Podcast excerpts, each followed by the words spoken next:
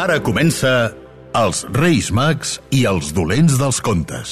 És un conte desexplicat de Vivim del Cuento basat en la col·lecció de llibres de l'editorial Baula.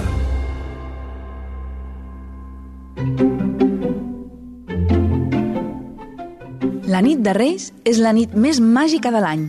Una nit somiada per petits i grans, però si hi ha algú que l'espera de veritat, són els tres Reis Mags. Com cada any, la casa de ses majestats era un bullir de patges que preparaven carrosses i embolicaven regals. Des que rebien les primeres cartes, allà ningú parava quiet.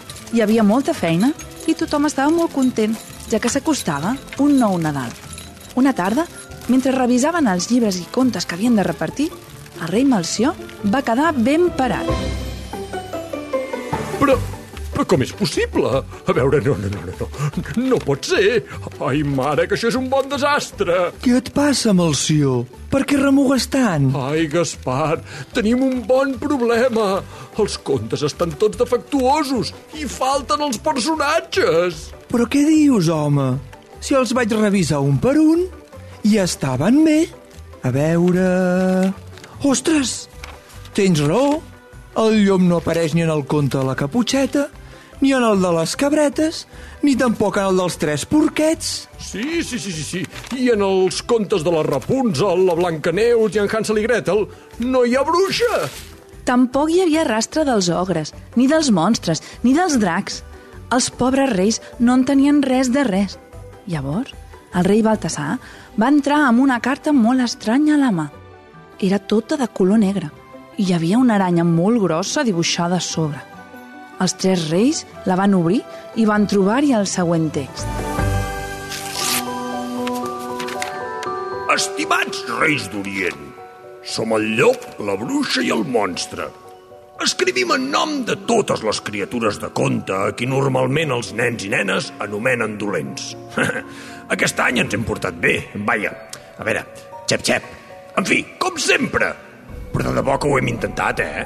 Mira, jo només m'he menjat un dels tres porquets i me l'he menjat a la planxa, que diuen que és més sa.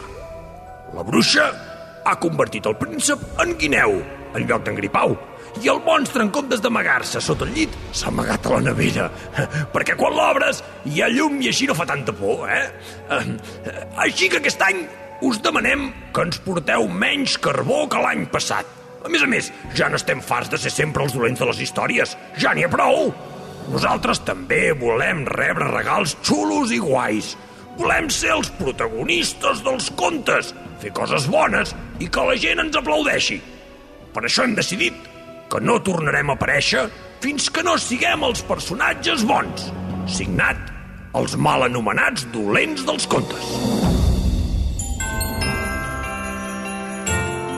Els pobres reis mags no s'ho podien creure. Amb els personatges dolents en vaga no hi hauria contes i un Nadal sense contes seria ben trist. De sobte, es va sentir un gran escàndol a la porta de casa. No, no, no serem dolents!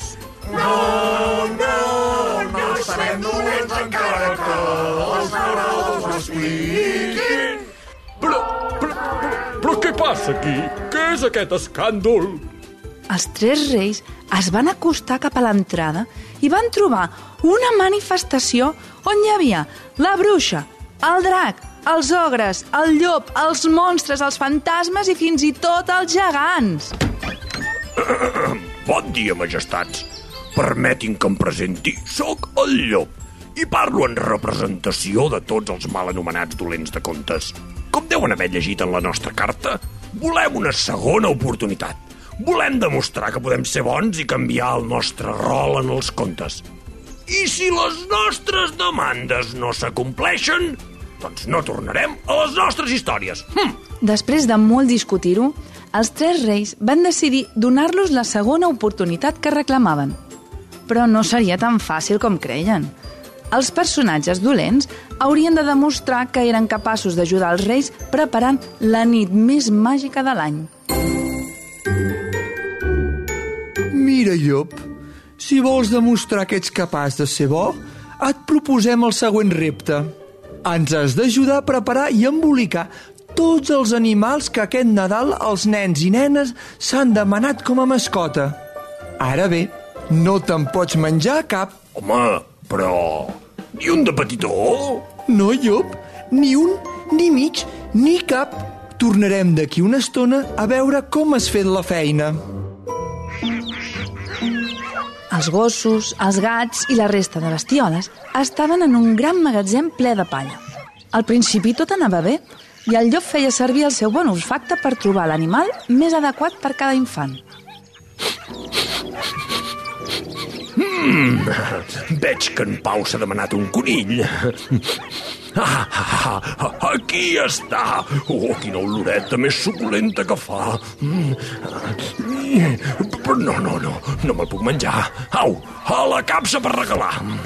Però l'hora de dinar s'apropava i la cosa es començava a complicar. Ai... Fa massa estona que estic envoltat de bestioles i no sé si em podré aguantar. Tot i que... Ben pensat... Si em menjo un animaló, tampoc se n'adonarà ningú, no? Vull dir, al cap i a la fi, ja n'hi ha una bona pila aquí. Què faig?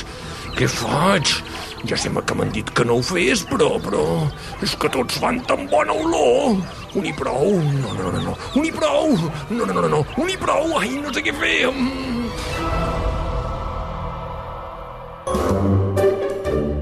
I doncs, llop, com ha anat això?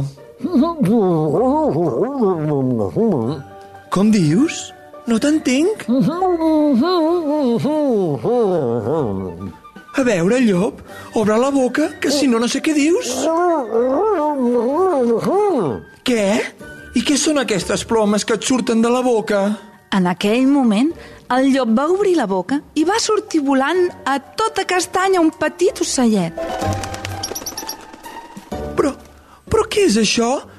No em diguis que t'has dedicat a menjar-te tots els animals. No, no, no, no, no, no, no, no, no. Si, si, si, si, jo he fet bé la meva feina, eh? Però, però, però, però és que ara ja tenia gana i no me n'he pogut estar i... Radiantre, llop, si tenies gana, haver-ho dit. Però no has d'anar menjant-te tots els animals. Pensa que els tinc tots comptats. Ai, en fi, veig que has fet bona feina malgrat tot. Au, passa cap a la cuina i que et preparin alguna cosa per menjar.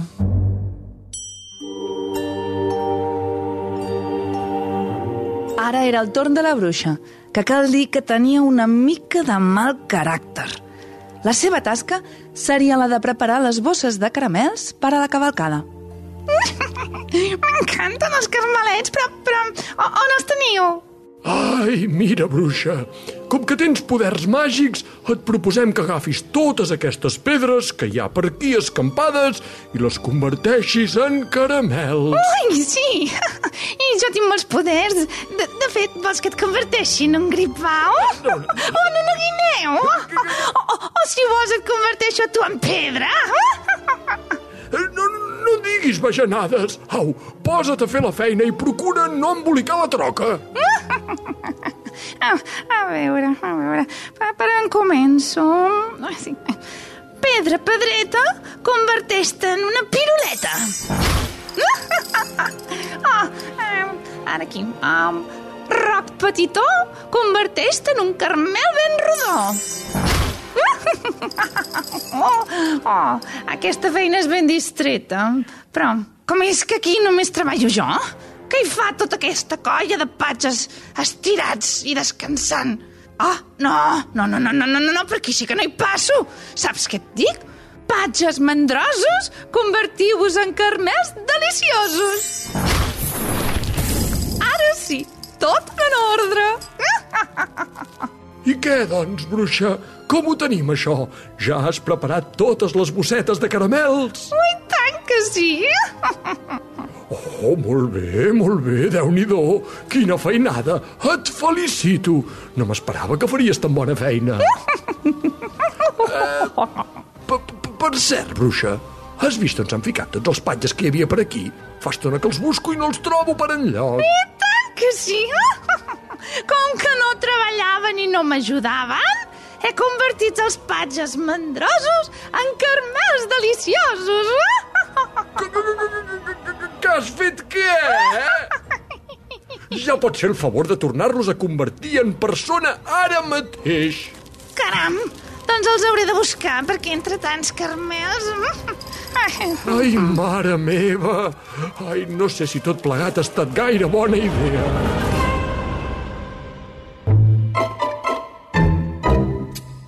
Mentre tot això passava, el rei Baltasar provava d'explicar al monstre quin seria el seu encàrrec.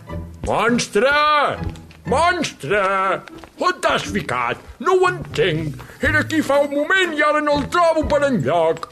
Monstre! Monstre!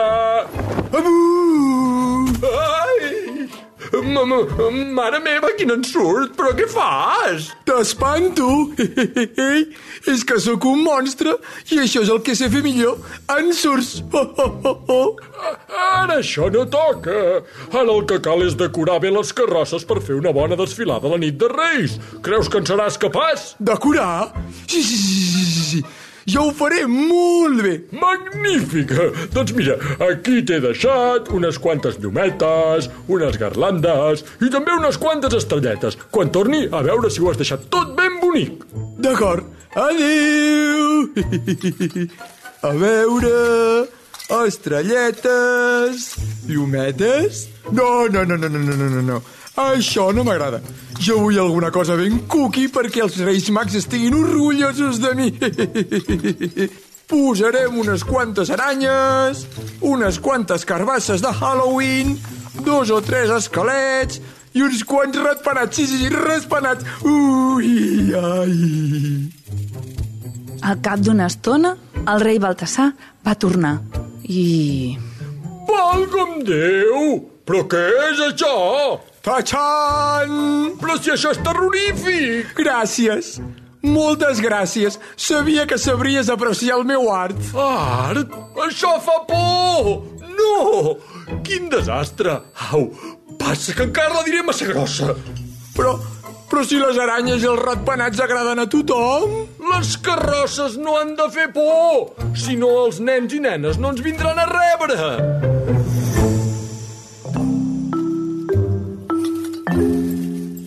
Amb l'ajuda del rei i uns quants patges, el monstre va refer la carrossa i va quedar d'allò més bé.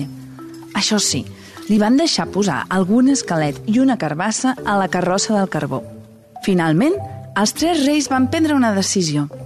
El llop, la bruixa, el monstre i els altres personatges eren sapastres de mena i els havia costat molt no fer malifetes. Però el seu olfacte, la seva màgia i tantes altres habilitats havien estat molt útils. Per sobre de tot, van veure que s'havien esforçat molt.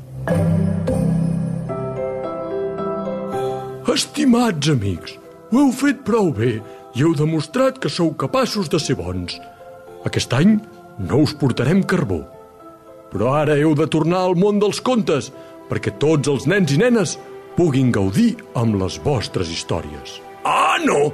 Per tornar a fer de dolents? Ni pensar-ho! No patiu, que aquesta vegada la història serà diferent. Per tal que tothom veiés que no eren tan dolents, els reis van deixar que aquella nit participessin de la gran cavalcada. El llop duia els camells, la bruixa llançava caramels, els monstres conduïen les carrosses i els dracs i els ogres duien l'estrella davant de tot. Tothom n'estava encantat i els aplaudia.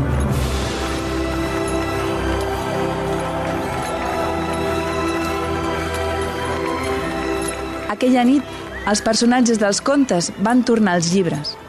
I l'endemà al matí, tots els infants van rebre com a regal un conte ben especial que explicava com els personatges dolents van aconseguir ser bons amb l'ajuda dels tres reis mags d'Orient. I potser us preguntareu quin és aquest conte. Doncs no és altre que la història que us acabem d'explicar i que esperem que us ajudi, també a vosaltres, a fer realitat tots els vostres somnis. Trobareu els llibres a la vostra llibreria més propera i podeu seguir els Vivim del Cuento a les seves xarxes socials.